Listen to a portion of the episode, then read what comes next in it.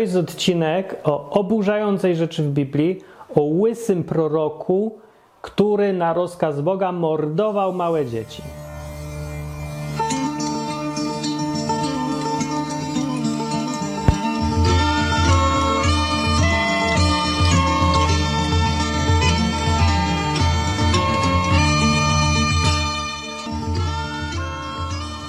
Dobra, tak uczciwie mówiąc, ten odcinek jest trochę głupi, bo to nie jest jakiś temat ważny, ani nie jest jakiś temat istotny, ale ten temat jest jakiś dziwnie popularny, bo w internecie on jest używany jako argument na to, że Bóg w Biblii jest sadystą i cały ten w ogóle opis i cała ta Biblia jest tak durna i tak w ogóle jakaś nieludzka, że nie ma sensu tego czytać. Najpierw zostać ateistą i cieszyć się życiem tak jak my jak, jak Dawkins przykazał.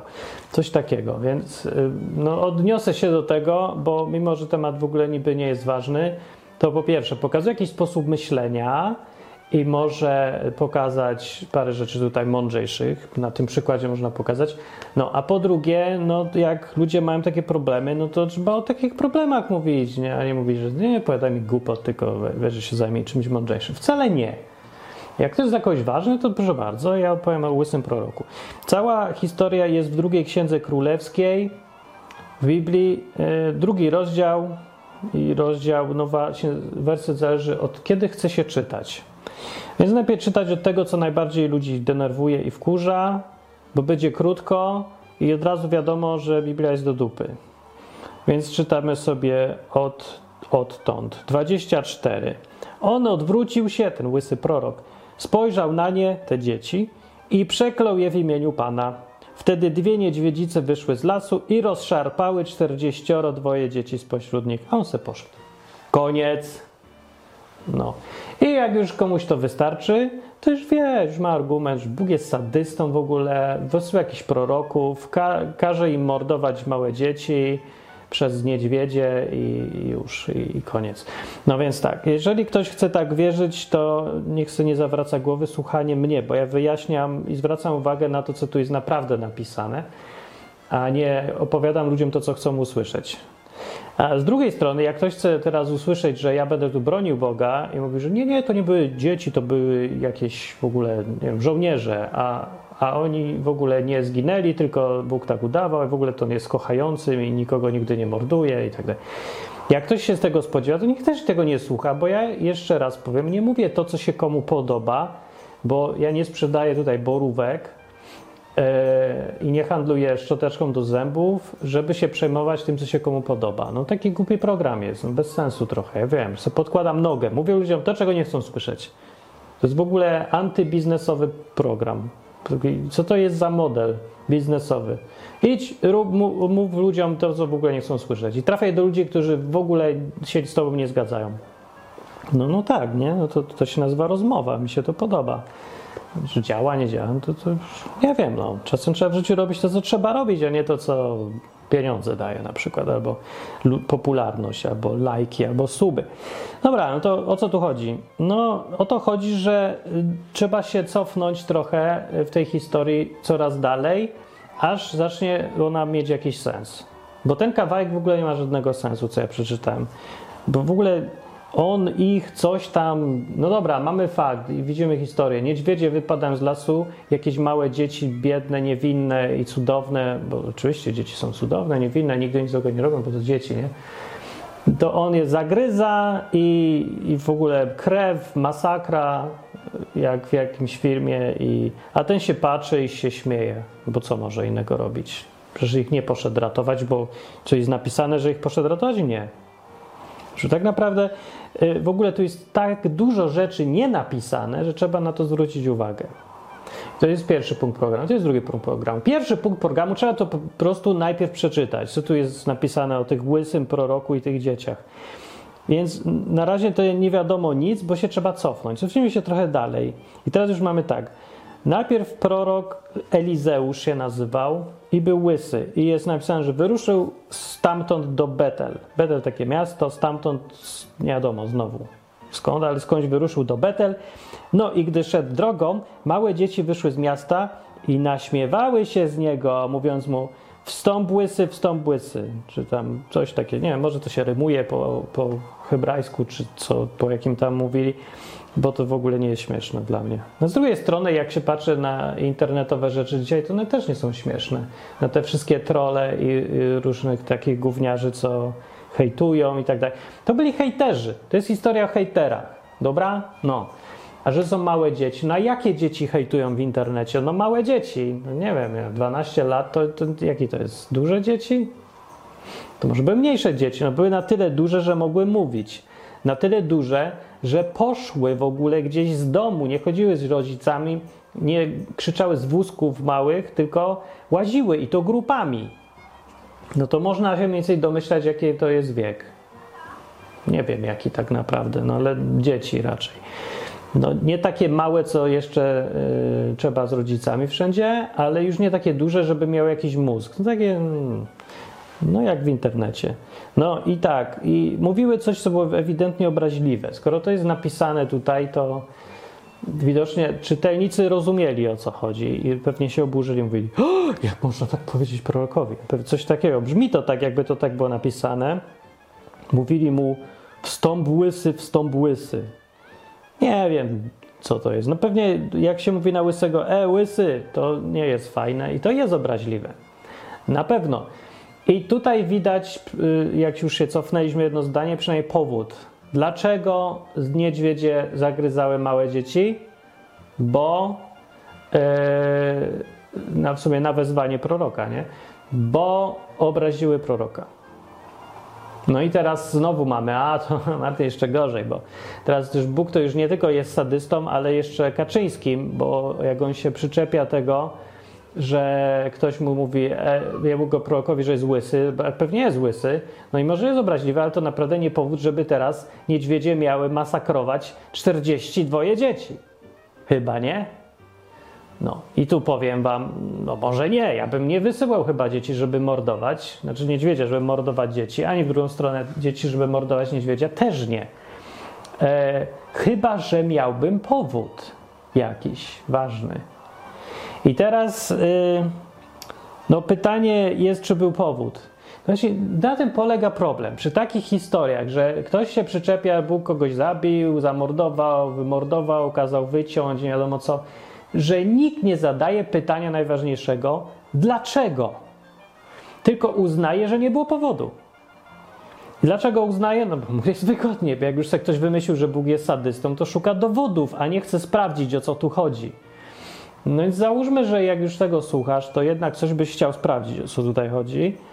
Yy, bo może był, był sadystą, może nie był, ale fajnie by było się dowiedzieć.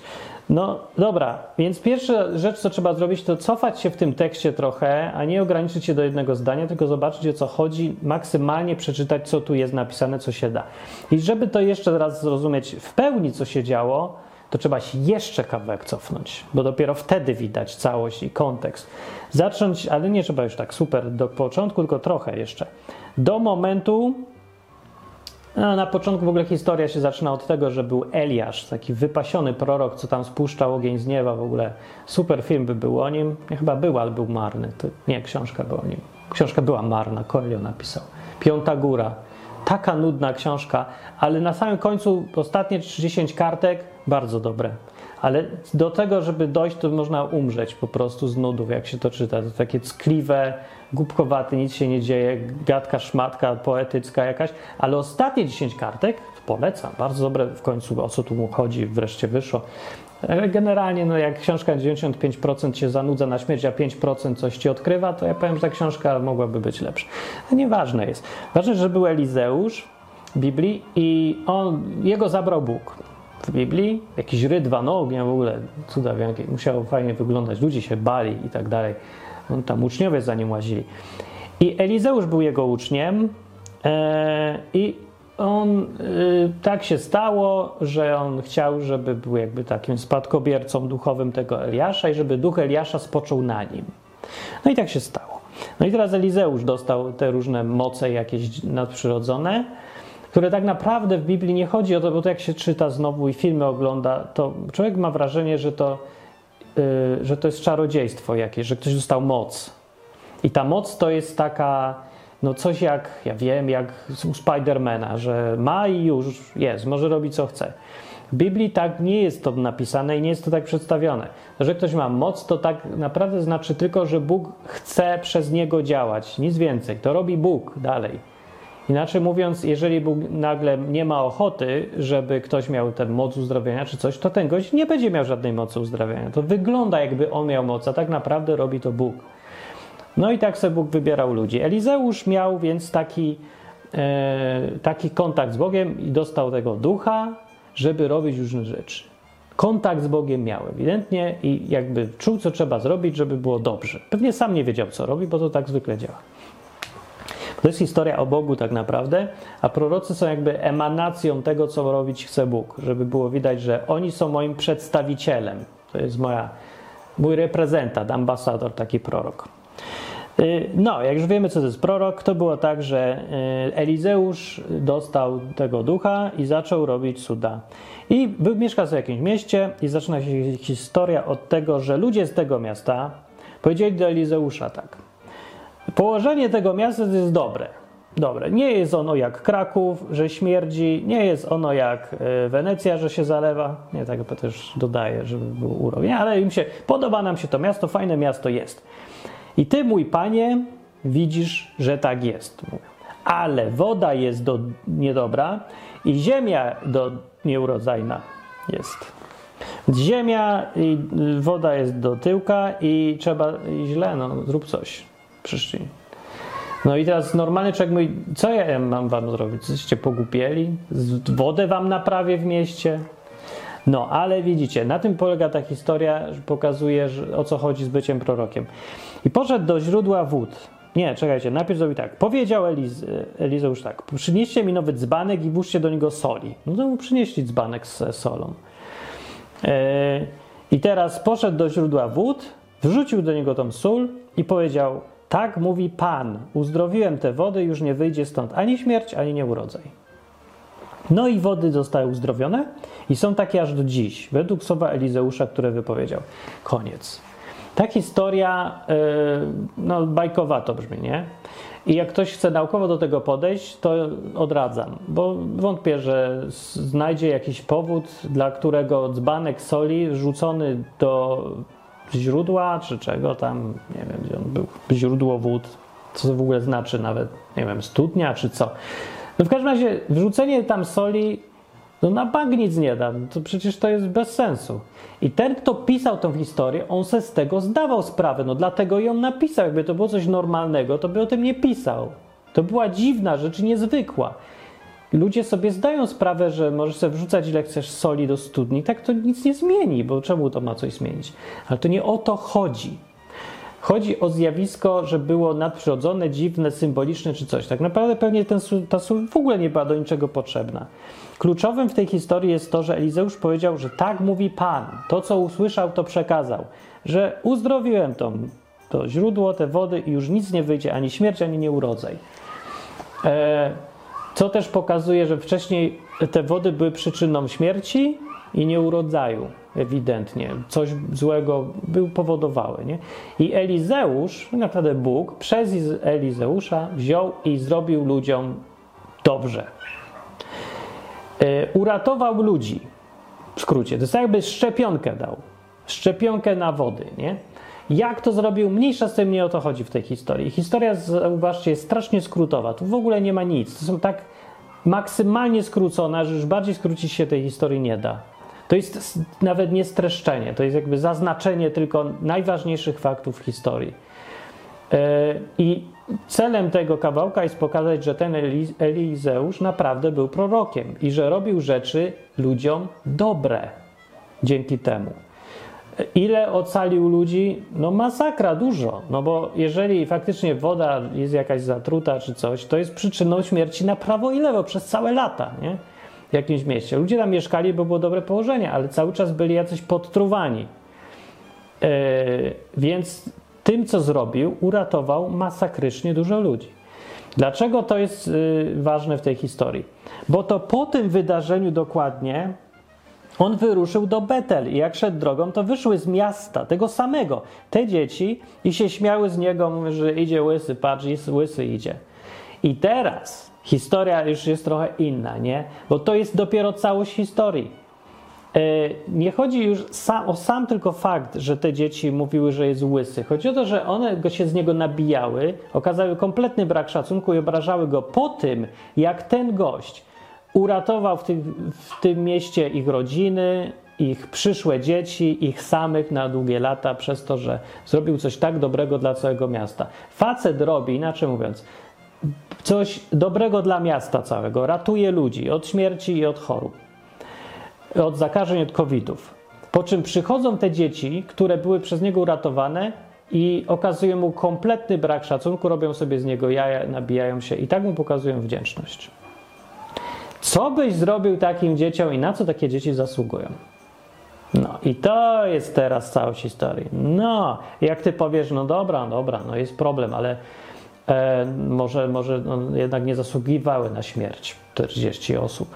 Dobrze, ja ci powiem, to może w takim razie e, 1400 osób nie zasługiwało na uzdrowienie albo na ratunek od śmierci w takim razie. Jeżeli to jest nabijanie się z proroka, nie należy karać śmiercią 40 osób, to może ten sam prorok nie ma powodu, żeby ratować od śmierci 1400 osób na przykład. Nie, bo ja nie wiem, jakoś nie bierze się pod uwagę, że on wcale nie musiał tego robić. On powiedzieć, nie, nie muszę tego robić, ja nie umiem, dajcie mi spokój. Nie musicie ode mnie wymagać, żebym ja wam e, ratował was od zarazy. Nie, to nie. Eee, no. Zresztą okażcie mi najpierw chociaż minimum szacunku, to was uratuje, dobra, ale jak nie, to nie. No, więc ja nie wiem, dlaczego uznaje się za oczywiste i pomijalne milczenie, milczeniem to, że ktoś zrobił coś tak dobrego e, wielu, wielu osobom, a skupia się człowiek na tym, że e, przez jego też działanie umarło ileś tam osób, rozszarpały je niedźwiedzie. E, pomija się też w tym fakt, że sobie zasłużyły. Nie wiadomo na co dokładnie, bo może to było za mocne. Ale w kontekście widać, że mogło nie być, bo no, śmierć za śmierć. I tak to była łagodna kara w porównaniu z tym, ile na, na dobre zrobił ten prorok i Bóg przez niego. Nie, bo pamiętajmy, z jednej strony Bóg tam uratował wtedy tysiąc osób, dwa tysiące, nie wiem, dziesięć tysięcy, cholera wie, ale zrobił dla całego miasta coś, co ratuje życie. E, a z drugiej strony kogoś tam zabił, rachunek jest i tak na plus. No. no. i tyle. To jest taka historia, to jest pełna historia. No i co z tego wynika? Jaki jest wniosek i należy sobie wyciągnąć z tego? No i właśnie tu jest problem, bo każdy sobie zobaczy, co chce trochę, nie? E, nie lubię takich historii i nie lubię się bezsensownie kłócić albo dyskutować na temat tego, czy Bóg był sadystą, czy nie był sadystą i ile należy dzieci zamordować, żeby rekompensata była sprawiedliwa. Albo w ogóle może dzieci trzeba było zganić tylko, albo może nie wiem. Ale to, co jest napisane w tym tekście, to nie jest y, poradnik, jak wychowywać dzieci głupie i wredne. I co robić z trollami i hejterami? No najpierw wypuszczać na nie niedźwiedzie tak, żeby ten mordowały. W ogóle jest nie o tym historia. Ta historia jest pokazaniem tego, że e, był Elizeusz, był prorokiem, robił coś dobrego i jak reagował Bóg na różne rzeczy. Ta historia uczyć ma i pokazywać, o co chodzi z Bogiem, jaki on jest, według Biblii. Więc w tej historii y, po pierwsze dowiadujemy się, że istnieją prorocy, że są ludzie, których, na których, których on sobie wybiera, żeby na nich trochę więcej pokazać rzeczy o sobie. I wtedy to był Elizeusz. Y, I jakie rzeczy pokazał o sobie w tej historii? Po pierwsze to, że na prośbę ludzi, którzy okazali szacunek jemu i jego prorokowi, bo to na jedno wychodzi, Mówili do niego mój panie, tam jest zaznaczone, że go tak uczcili i z dużym szacunkiem podchodzili i respektem. Poprosili go o coś dobrego. I odpowiedzią Boga było: Proszę bardzo, macie tutaj bonus. Prosiliście mnie, okazaliście mi szacunek. W nagrodę dużo z Was nie będzie więcej umierać. Z tej wody już nie wyjdzie nic złego, nie będzie zarazy, śmierci i tak dalej. Chorób, covidów. No, Y, to pokazuje o Bogu coś pozytywnego, coś, co powinno cieszyć. Nie jest to ważne? Nikt nie zwraca na to uwagi? Cieszymy się tylko, patrzymy, szukamy tylko, gdzie Bóg był sadystą, tak? A to już nie. No ale to jest w Biblii, to jest część historii. Druga rzecz, którą widzimy w tej historii, to jest to, że jak po czymś takim okazywana jest bezczelna niewdzięczność, to choćby to były nawet dzieci, choćby to było, nie wiem, chomiczki i super mili ludzie i tacy normalnie Anglicy, co ci herbatkę robią, uprzejmi i mówią, że wszystko jest lovely. Nawet jeżeli tacy ludzie, mili i fajni, okażą niewdzięczność, brak szacunku po czymś dobrym, co Bóg zrobił, to Bóg nawet mu nie drgnie powieka i spuści na nie to, na tych ludzi to, co zasługują. No bo uratował ich od śmierci, więc teraz właściwie to oni mają dług, więc on trochę tego długu kazał im spłacić. Nie okazujecie mi szacunku, to se umierajcie. No, niedźwiedzie są dosyć zjawiskiem naturalnym. To nie jest, że spuścił jakiś ogień z nieba, po prostu zbieg okoliczności powstał. Ale w tym fragmencie jest ewidentnie odpowiedzialność przypisana Bogu. Elizeusz przeklął ich, przeklął ich w imieniu Pana. Czy sam Elizeusz spodziewał się, że w ogóle zeżrają ich niedźwiedzie? No wątpię.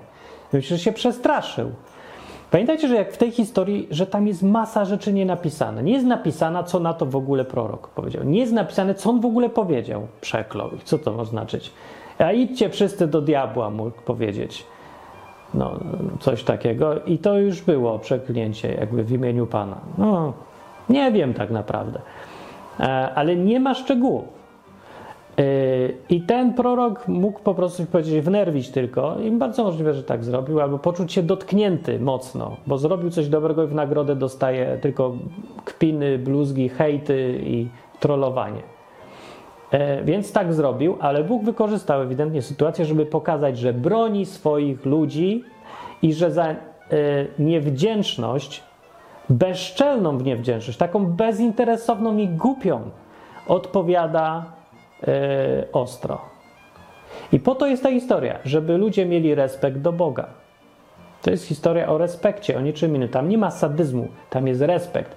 Czy Bóg miał prawo zrobić? No, można znowu dyskusję prowadzić. No, no jak ktoś powie, że Bóg stworzył świat, to w ogóle może wszystko. No dobra, no, może być taki punkt widzenia, można przyjąć. No ale można przyjąć punkt widzenia, że jeżeli Bóg chce być przez nas szanowany i uznawany za jakiegoś fajnego osobnika, partnera do dyskusji, E, a nie jakiegoś nieodpowiedzialnego w ogóle sadystę, po którym w każdym momencie można spodziewać się wybuchu, jak jakiś taki mąż pijak, nie? że idziesz do niego i się boisz, bo nie wiadomo co mu odbije, za chwilę cię pobije, nie wiadomo za co, bo zupa, zasłona, bo krzywo obraz powiesiłaś, cokolwiek, nie?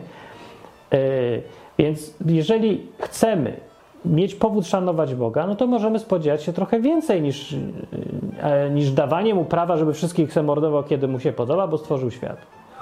Więc ja rozumiem ten punkt widzenia, że ktoś ma kogoś teraz trochę, no nie podoba mu się, że ta historia, że nie wiadomo z jakiej dupy Bóg przychodzi i zaczyna wysyłać niedźwiedzie na dzieci, żeby je pozagryzały, bo one se żartowały. O, więc dlatego y, ważne jest, żeby znać całość historii i po drugie pamiętać, ile rzeczy w tej historii nie ma. Więc możemy sobie wyobrazić w ogóle inaczej, y, że przebiega ta historia. Można sobie, no bo nie wiadomo, co tam się działo, ale mogło być na przykład tak. Mogły te dzieci łażące i szukające, y, kogo by tu zbluzgać, jak to dzisiaj też w internecie się dzieje, mogły yy, i pewnie tak zrobiły, pójść do lasu i drażnić niedźwiedzia jednocześnie, albo przy okazji, albo po tym czymś. Mogły znaleźć dzieci niedźwiedzia. Dzieci, niedźwiedzie naprawdę nie, normalnie no nie łażą, żeby zagryzać dzieci na prawo i lewo. Ale na przykład jak wkurzysz niedźwiedzia i zabierzesz mu młode i małe, to niedźwiedź jest rozdrażniony i zabija małe dzieci. Przy okazji właśnie napisałem książkę, w której podobna sytuacja miała miejsce. Nie, nie żebym próbował kopiować Biblię wcale, ani w ogóle nie pamiętam o tym fragmencie. Jak, nie wiem dlaczego akurat tak mi się wymyśliło. A to tym, że jest niedźwiedź, który atakuje.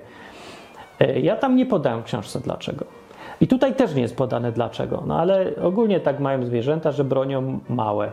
Więc jeżeli te dzieci, gówniarze, można się spodziewać, że nie byłoby to jakoś niepasujące do historii, gdyby zaczęły drażnić y, niedźwiedzia i e, jego dzieci mu maltretować, albo ja wiem co, bawić się z nimi, albo no nie wiadomo co, nie? Jak dzieci wiecie, jakie głupie mogą być, jak wredne. Więc jeżeli to samo zastosowały do niedźwiedzia, to ta historia jakby brzmi już bardziej mniej w ogóle szokują. Coraz mniej szokuje ta historia, nie? Y, więc dzieci są złe, wredne, niewdzięczne i jeszcze głupie potwornie. No w takiej wersji. Ja nie wiem, czy tak było. Mogły po prostu iść sobie i uśmiechać się potem i mówić, aha, no wiecie co, trochę mi głupio, że się pośmialiśmy z tego proroka, ale wróćmy do domu i, i bądźmy dalej cudownymi dziećmi. A tu nagle zła niedźwiedzie mówią, Bóg mówi, nie, wykorzystam okazję, żeby kogoś zamordować. Dzisiaj nikogo jeszcze nie mordowałem. Bez powodu żadnego sensownego. Ja chcę krwi. I weźcie te niedźwiedzie bez powodu zupełnie i pod byle pretekstem weźcie, wyszarpcie trochę mięsa z tych dzieci pięknych, dobrych, miłych, kochanych. Niech matki płaczą, niech ja widzę łzy i krew, bo jestem Bogiem z Biblii. No. Może ktoś tak wyobrażać sobie, ale ja tego nie widzę. No. Y, co się naprawdę działo z tymi niedźwiedziami, to się nie dowiemy. Ale no nie wiem, tą sprawę niedźwiedzi chyba i łysego proroka to już wyjaśniłem, co? Czy nie wyjaśniłem? Bo o czym tam gadać jeszcze więcej jest? Pytanie jest, czy coś z tej całej historii i z podejścia ludzi do tej historii ogólniejszego można wyciągnąć. Że ten odcinek jest bez sensu, tylko właśnie głupi trochę o prostej historii, której człowiek nie doczytał, nie zrozumiał i szuka problemu w sobie i szuka, jak tutaj udowodnić, że Bóg jest sadystą, a Biblia jest nonsensem. Myślę sobie, że coś można z tego jeszcze wydubać. Przede wszystkim, ludzie, przestańcie szukać takich historyjek. Przestańcie się nakręcać byle dziadostwem, co znajdziecie w internecie. No, jakimiś uproszczeniami strasznymi i e, takimi. E, ja wiem jak to propagandą, propagandowymi e, kawałkami ludzi, którzy już mają z góry ustalone jakieś założenie, jakiś uproszczony świat. I przeważnie to są dwie grupy. Ci, co mają taki uproszczony świat i jadą z taką głupkowatą propagandą i takimi kawałkami o łysych prorokach i mordujących e, bogach małe dzieci.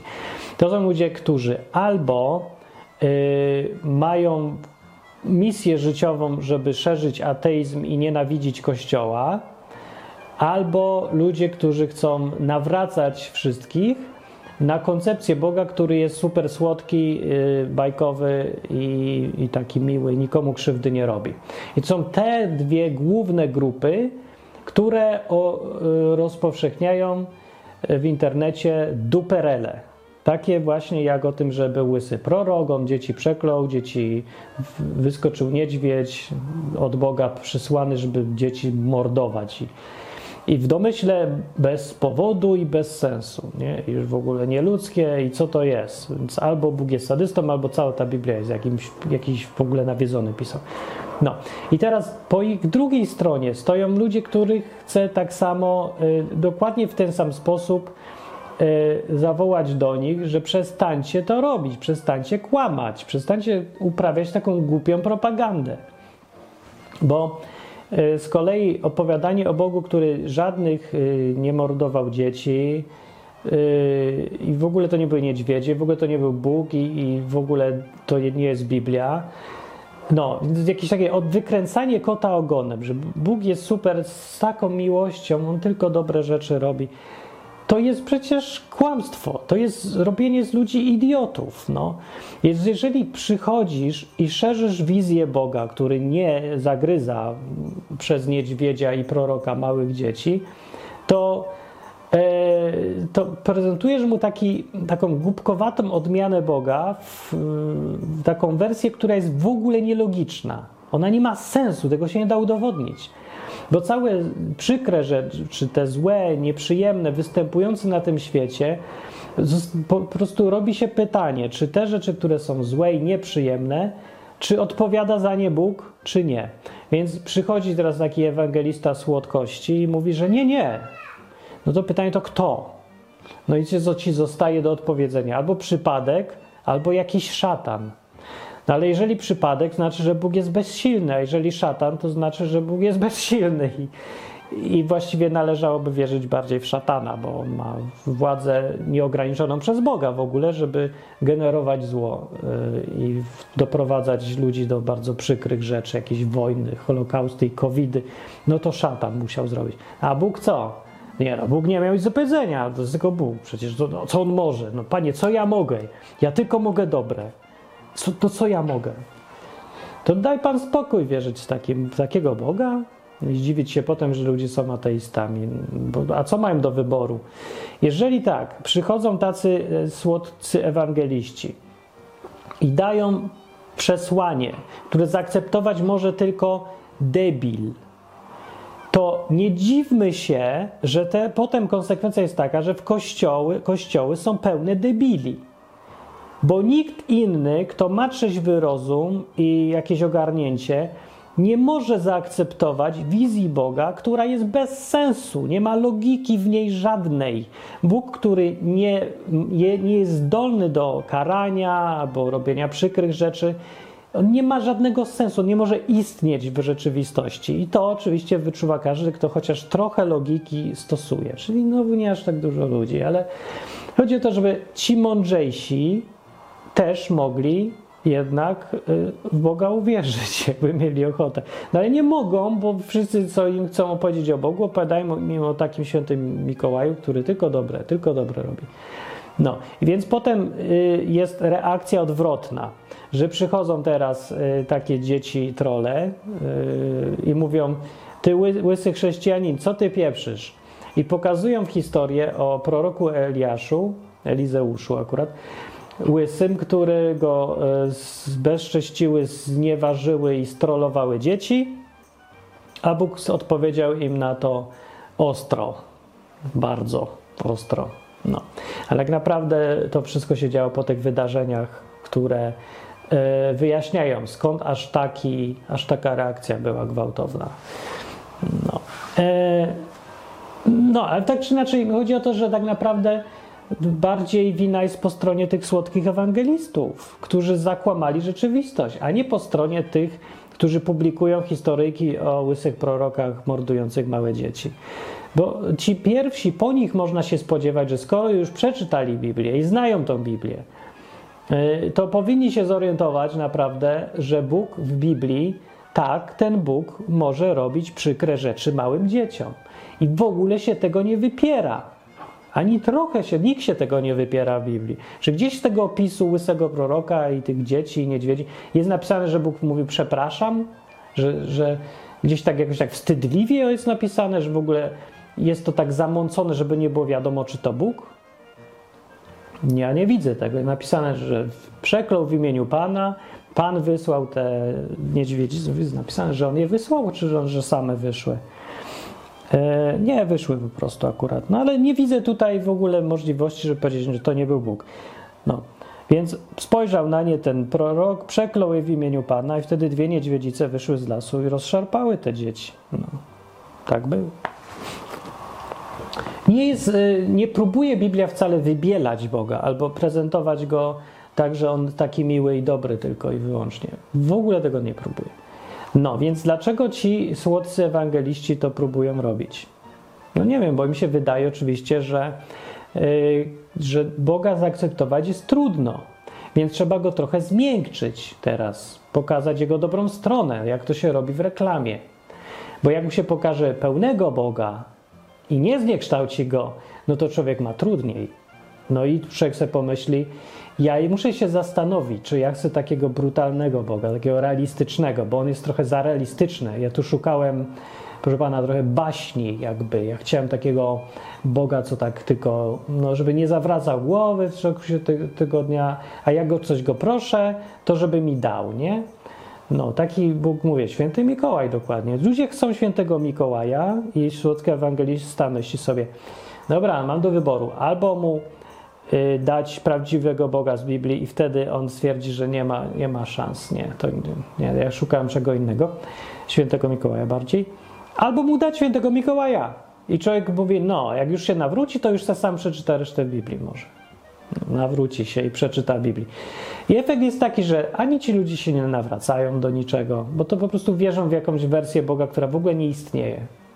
I ten Bóg oczywiście nic nie robi w życiu i go nie ma w życiu, bo tego Boga nie ma. Ludzie y, po takim traktowaniu ich y, słodką Ewangelią nie wierzą w ogóle w Boga. Oni wierzą w coś, co im się wydaje Bogiem, ale to, co wierzą w Bogiem, w ogóle nie jest. To jest jakaś bozia biedna, słodka, McDonaldowa wersja, nie wiadomo co, ale to nie jest w ogóle realne. Więc nie ma się coś spodziewać, że zauważą, że ten, interwencję tego realnego Boga w swoim życiu. Oni w ogóle nie akceptują jego interwencji. Tak jak nie akceptują tego, że może e, Bóg nasłać niedźwiedzie na dzieci. No to tak samo nie akceptują, że może w ich życiu coś zrobić innego niż dać im więcej pieniędzy i lepsze żony i samochody i bycie zwycięzcą i co tam jeszcze się chce. No, ale to nie działa w ogóle. Więc nie ma się co dziwić, że w kościołach skutkiem tego wszystkiego nie ma chrześcijan. Nie ma ludzi, którzy wierzą w Boga. Są ludzie, którzy wierzą w jakieś dziwne wersje Boga, ale nie tego z Biblii i nie tego, który jest w realnej rzeczywistości. Ja jestem dziwnym przypadkiem, ale to mnie dziwi, że ja jestem dziwnym przypadkiem, bo w moim życiu Bóg jest, ale ja wierzę w Boga, który jest w Biblii, w realnego. Ja oczywiście, że się spodziewam, że Bóg może zesłać wszystko. Ja mogę jutro umrzeć na ten COVID. Oczywiście, że mogę się zarazić i umrzeć. I czy ja powiem, że to szatan przysłał? Nie, ja powiem, że to Bóg mi przysłał. Zresztą dopiero co skończyłem chorować, nie wiem, gardło mnie boli, denerwuje mnie to. Czy mi przychodzi do głowy powiedzieć Bogu, że ja pierdzielę, ja nie w takiego Boga szukałem, On mi miał dawać zdrowie na zawsze, a ja jestem chory. Coś jest nie tak, nie, może to moja wina, może... Nie, to nic w ogóle niczyja wina. A niechże Bóg mi daje co chce. Ja mam zaufanie do Niego. Biblia była pisana, e, albo takie kawałki, jak o tych łysych prorokach czy coś, one są pisane w tym celu, żeby zrozumieć Boga i mieć do Niego właściwie respekt, żeby pokazać, że e, to jest dobra strategia zaufać Bogu, który jest no, Bogiem twardy jednak jest, ale dobra strategia jest zaufać. Jest to zachęta, bo to nie jest oczywiste wcale dla nikogo i nie powinno być nigdy. No. Jest też przestroga w tej sytuacji, ostrzeżenie, żeby jak już nie chcesz za bardzo zaufać Bogu, to przynajmniej nie okazywać rażącej, bezczelnej, głupiej niewdzięczności, kiedy coś dobrego cię spotkało od tego Boga, w ogóle jeszcze ponadnaturalnego, bo Bóg nie będzie tolerował absolutnie wszystkiego, bo to jest ktoś, no to jest ktoś taki, kto no, twardy. Także można się trochę bać, ale bez przesady. Z tej historii nie wynika żaden sadyzm. To nie jest w tej historii powiedziane, że najpierw Bóg wyleczył mieszkańców e, wioski z jakiejś tam zarazy, a potem zaraz twierdził, że nie, zmieniam zdanie, zabiję co drugiego. To nic takiego nie ma. Nagrodził ludzi za to, że byli, okazali szacunek. Oni też nie zrobili w tej wiosce żadnego wielkiego wyczynu. Pokazali tylko respekt, szacunek, wiarę w to, że prorok od Boga jest, ma moc, że coś zrobić. Tyle. Czy to jest aż takie super, nie wiem, taka rzecz, wymaganie takie straszne, które Bóg ludziom rzucił? Nagrodził go ich za coś takiego, za ten właśnie respekt i szacunek i już. Dobre, nie? Chyba dobre. Dobra wiadomość, że nie trzeba być jakimś super tytanem wiary, żeby e, móc się spodziewać czegoś dobrego po Bogu. No. Ale z drugiej strony jest ta gorsza strona, kiedy człowiek chce być bezczelny, bezczelnym hejterem, hamem i niewdzięcznym zupełnie głupim burakiem. Wtedy choćby był nie wiadomo kim, dzieckiem, nie dzieckiem, Boga można wściec trochę, może stracić cierpliwość, kiedy się przesadzi, kiedy się przekroczy granicę bycia dziadem, no. I to był powiedz, pieprzaj dziadu, bo to, to już nie da się. Dobra, dobra, tyle y, może mi wynika z tego odcinka. No i skończę go w tym miejscu. Myślę sobie, czy to są wnioski jakieś powiązane. No są powiązane, no takie mam wnioski. Y, I przesłanie moje do ludzi, którzy pewnie i tak tego nie będą słuchać. No, ludzie, którzy są albo super ateistami, to wątpię, że chcą posłuchać odwyk o Bogu po ludzku. O nie, o Bogu, widzę, że jest tam o Bogu, to będzie kretyn, nie będę słuchał. A ludzie, którzy opowiadają super słodkie Ewangelie i zapraszam do kościołów e, swoich, to też mnie nie słuchają, bo no z kolei w drugą stronę, nie, ten gość mówi dupa, to nie, jak ktoś mówi dupa, to nie jest od Boga, nie, nie ma mowy. W ogóle jeszcze mówi, że Bóg może coś złego zrobić? Masakra. Ja o sobie mogę powiedzieć, w moim życiu Bóg jest cały czas, interweniuje realnie. I ludzie się mnie ciągle pytają w mailach, na czatach, wszędzie, czego ja nie widzę Boga. No, Wiesz ja nie wiem, skąd ja mam wiedzieć, ale ja tyle wiem, że jeżeli nie masz realistycznej wizji Boga, realnej w ogóle, jeżeli spodziewasz się po nim jakichś rzeczy, co ty se sam wymyśliłeś, że taki Bóg musi mi dać, tylko dobre na przykład, no to nie spodziewaj się, że w ogóle będzie jakikolwiek kontakt z czymś takim, bo ty nie wierzysz w ogóle w Boga, więc no, to nie musisz się mnie pytać, dlaczego ja wierzę w Boga, a Bóg mi nie odpowiada. No nie, bo najpierw to ja nie wiem, czy ty wierzysz w tego Boga, czy ty sobie coś wymyśliłeś zupełnie, nie wiadomo skąd. Więc no, tyle mogę powiedzieć, co ja wiem z własnego życia i, i co znam z historii innych ludzi, co opowiadali. Ludzie, którzy realnie to traktują wszystko i ten kontakt z Bogiem mają, oni mają cały czas przeżycia konkretne, czy chodzi tam o żony, dzieci, pieniądze, zdrowie, e, programowanie, w cokolwiek we wszystkich tych życiowych, zwykłych aspektach mają interwencję Boga. Dziwne zbiegi okoliczności, jeszcze dziwniejsze, bardzo dziwne zbiegi okoliczności, serie zbiegów okoliczności. I oprócz zbiegów okoliczności mają takie, że, że o coś proszą i to się dzieje, czasem szybko, czasem długo, czasem wprost, czasem dookoła, ale się dzieje. I mają takie rzeczy już bardziej hardkorowe, typu, że słyszą coś, że Bóg im każe, ja nie wiem, ja nie słyszałem takich głosów w sensie, że na, do uchem, że my, ktoś, co, kto? To nie. Ale takie rzeczy, że nie wiadomo dlaczego, ale wiesz, że coś ci Bóg poinformował cię. Głosu nie było, ale ty wiesz. Czy jakby ci ktoś przed chwilą powiedział, chociaż głosu nikt nie mówił. Ale tak się czujesz, jakby ci właśnie ktoś powiedział. Strasznie trudne do wytłumaczenia, ale tak jest. No to takie rzeczy też są i to nie jako raz w życiu, dwa razy w życiu się zdarza, tylko jako ciągła znaczy, normalność to jest. To mogę, spodziewam się tego zawsze. Nie zawsze jest, ale zawsze się spodziewam. Teraz może być, jutro, za 5 minut. Kiedy chcę. E, I kiedy Bogu się zachce. No, ale to mówię, norma, a nie cud. Ten kontakt z Bogiem. I to meldują wszyscy, którzy podchodzą do tego Boga poważnie a nie, że jako kolejna tam rzecz, co sobie dokupiłem w życiu, jakąś następny drobiazg w życiu, żeby było ciekawsze.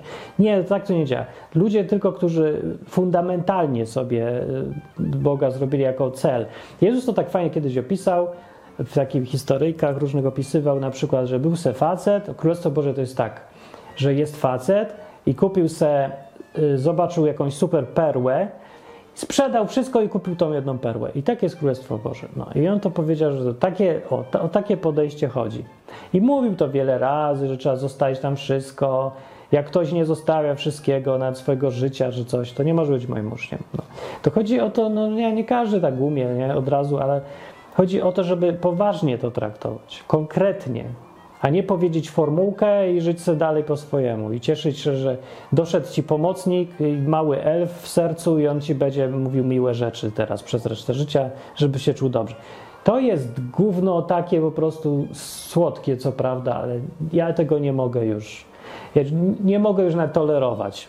Bo ja już widzę efekty teraz na całym świecie, że po prostu chrześcijaństwo zanikło do zera przez takie gówniane podejście, że wszystko, co było realne, realistyczne, prawdziwe w tym, co mówi Biblia, w przesłaniu nie? całym, zostało wypieprzone i zastąpione jakąś wersją marketingową, której się dobrze słucha.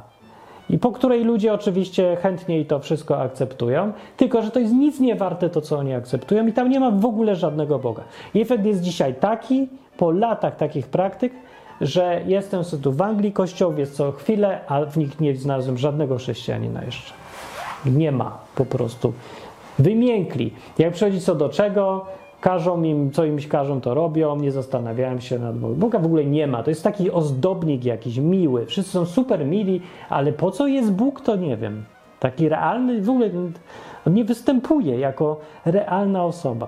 To czegoś takiego to mnie to nie interesuje. Ja nie potrzebuję następnych, nie wiem, yy, ćpać sobie jakichś dobrych samopoczuć. Wiara jako coś, co ci ma ułatwiać życie, jako nie wiem, taka tabletka, jakby na dobre samopoczucie przeciwko depresji. Co, co, co to jest? Ja tego, po co mi to? Znaczy, wiecie, jak ktoś jest e, słaby, szuka wyjścia w życiu jakiegoś, żeby ktoś go gdzieś poprowadził, no to dla niego to są takie rzeczy jak Kościół. I mówię, i tak się to wszystko skończyło, że w kościach są ludzie najbardziej nieporadni, niedorobieni, niedorozwinięci i głupi. Mili jednocześnie, i biedni, i słabi, i tak dalej, ale to nie jest problem, bo nie chodzi, że ma to być dla siłaczy, to ma być, to wszyscy są słabi, no. E, I zagubieni trochę, czy coś.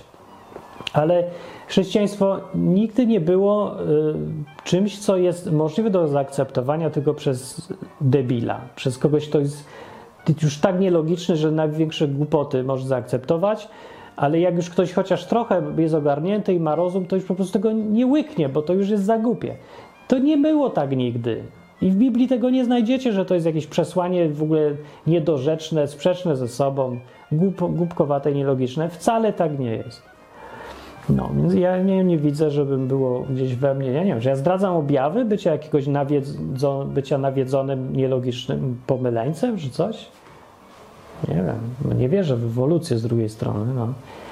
No, ale nie opowiadam go pod płaskiej ziemi. Ale w ewolucję to też nie całą, zrobiłem odcinek o tym, w które elementy absolutnie mi nie pasują i dlaczego, więc odsyłam.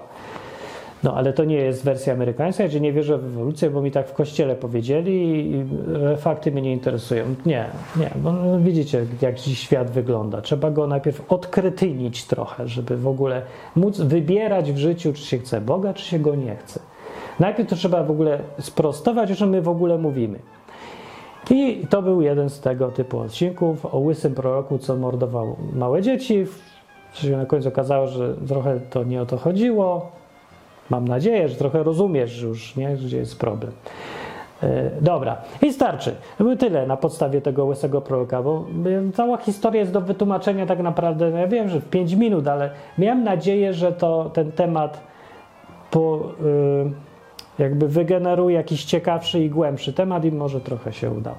No i y, teraz jak chcesz skomentować, to wejdź na stronę www.odwyk.com i tam ja czytam komentarze i tam można pogadać, co myślisz na ten temat łysego proroka i małych dzieci. Nie wiem, czy ciebie ten męczył temat, czy to w ogóle jakiś taki margines? Może na przykład nie możesz uwierzyć, dlaczego tyle ludzi ma problem z prorokiem, co wsyła niedźwiedzie y, na małe dzieci. Nie, a może to był problem trudny do zrozumienia, że jak mógł Bóg tak zabijać małe dzieci? No może teraz nie wiem, może teraz widzisz trochę, że to tak, to nie chodziło o żadne sadyzmy tutaj w ogóle. E, no, a może to chodzi o to w tym wszystkim, że ludzie mają taką jakąś dziwną, że dzieci są nietykalne, nie? że w ogóle nie ma, nie można dzieci traktować, że one w ogóle za coś mogą odpowiadać. No dobra, ale ludzie, w rzeczywistości tak nie jest. Jak przyjdzie małe dziecko, gówniarz taki, troll i hater i zacznie, nie wiem, drażnić y, małe niedźwiedziątka, to ta niedźwiedzica naprawdę nie, nie stwierdzi, że a to dziecko machnie łapą i pójdzie do lasu, tylko zagryzie. I tak będzie. No taka jest rzeczywistość jest jaka jest. To właśnie tylko na to chcę zwrócić uwagę, że Biblia jest realistyczna. Ona nie jest okrutna, tylko jest taka jak życie, a życie jest trochę brutalne. Bo takie jest. Więc nie pytajcie mnie dlaczego. Wszystko jedno dlaczego, nieważne dlaczego, nieważne, że to Big Bang stworzył, czy Bóg, czy potwór spaghetti. Jest jakie jest i jest brutalne. Bywa. Nie jest tak, że każda chwila jest okropna. Ja się całkiem dobrze teraz na przykład. Ale trochę mnie gardło boli z drugiej strony. No. I tu mnie w krzyżu pyka, dlatego że na rowerze, żeby już mnie nie pykło, tylko żeby się wyleczyło. No ale no są przeciwności w życiu, nieprzyjemne rzeczy. I co? No tak jest. Więc nie opowiadam głupot, że szatan mi zesłał ból krzyża, precz szatanie, wyjdź mi z pleców, tylko biorę rower i jeżdżę. I już mi to w ogóle nie koliduje nijak y, z tym, że wierzę też jednocześnie, że jak Bóg ma powód i chęć, to mi pewnie i może wywalić z ból z pleców, ale po co by miałem? W ogóle nie widzę powodu. Jeździć na rowerze jest fajnie i to jest dobrze nawet, że mnie boli, bo sobie mam powód pojeździć. No, więc można realnie podchodzić? Można. A czemu nie? Ja nie wiem. Co, co to takie jest? Co to taka rzadkość, że ktoś trzeźwo myślący, inteligentny jakiś podchodzi do Boga z jakimś zainteresowaniem i zamiast wyrzucać go teraz do śmieci, bo łysy prorok morduje dzieci i tak dalej. Czemu to takie jest unikalne? Czemu tak mało ludzi y, szuka Boga właśnie racjonalnego, po ludzku, Może myślą, że to jest w ogóle nie da się. Ja mówię, że się da. Ja mówię, że to sprawdziłem nawet na sobie. Długi eksperyment, 25 lat trwa i y, to już nie jest eksperyment, bo już dawno się przekonałem, jakie są wyniki, ale kontynuuję, jest, nic się nie zmienia. Dalej są Życie z Bogiem no, po prostu się toczy, nie? No, znaczy nie mówię, że to, żeby kogoś wcale y, reklamować, tylko mówię, że u mnie działa i już, rób sobie z tym, co chcesz. Wcale nie mówię, że jest słodko, w ogóle nie jest słodko, jest trudno, ale jest wartościowo jak pieron. Ale u mnie, ja nie wiem, dla ciebie to może być wszystko gównowarte, może dla ciebie w życiu wartość ma, nie wiem, 17 panienek na rok i y, szybkie samochody, no może, ja nie wiem, co ma dla ciebie.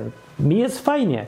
Ja lubię przeżycia, lubię dobre relacje, lubię przyjaźń, lubię y, też, co najbardziej chyba lubię, y, że mam fajną relację z tym bytem ponadnaturalnym. Ewidentną mam relację, żywą, taką, taką unikalną, fajną, fajną. I że mam fajne obietnice, że nie muszę się bać śmierci.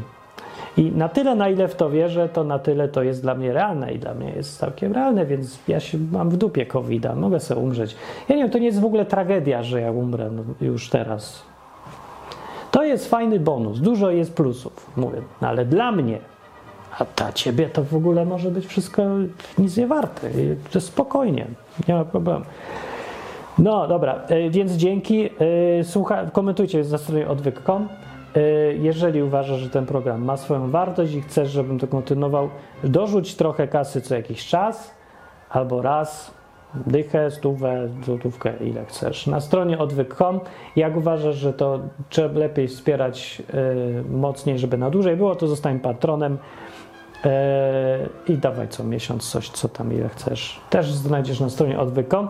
No, dzięki, e, dzięki patronom właśnie ten program powstaje i sponsorom różnym, bo w ogóle trochę cud, bo to bardzo dziwne jest wszystko, co ja robię. Na bardzo dziwnych zasadach. Nie działa, widocznie jest fajne albo potrzebne, albo co.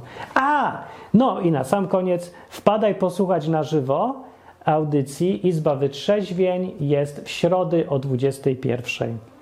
I tam ja gadam na żywo przez godzinkę. Można dzwonić kto chce, może zadzwonić, możesz zapytać, możesz pogadać, możesz skomentować, możesz bluzgać, co tylko chcesz. Program jest niereżyserowany.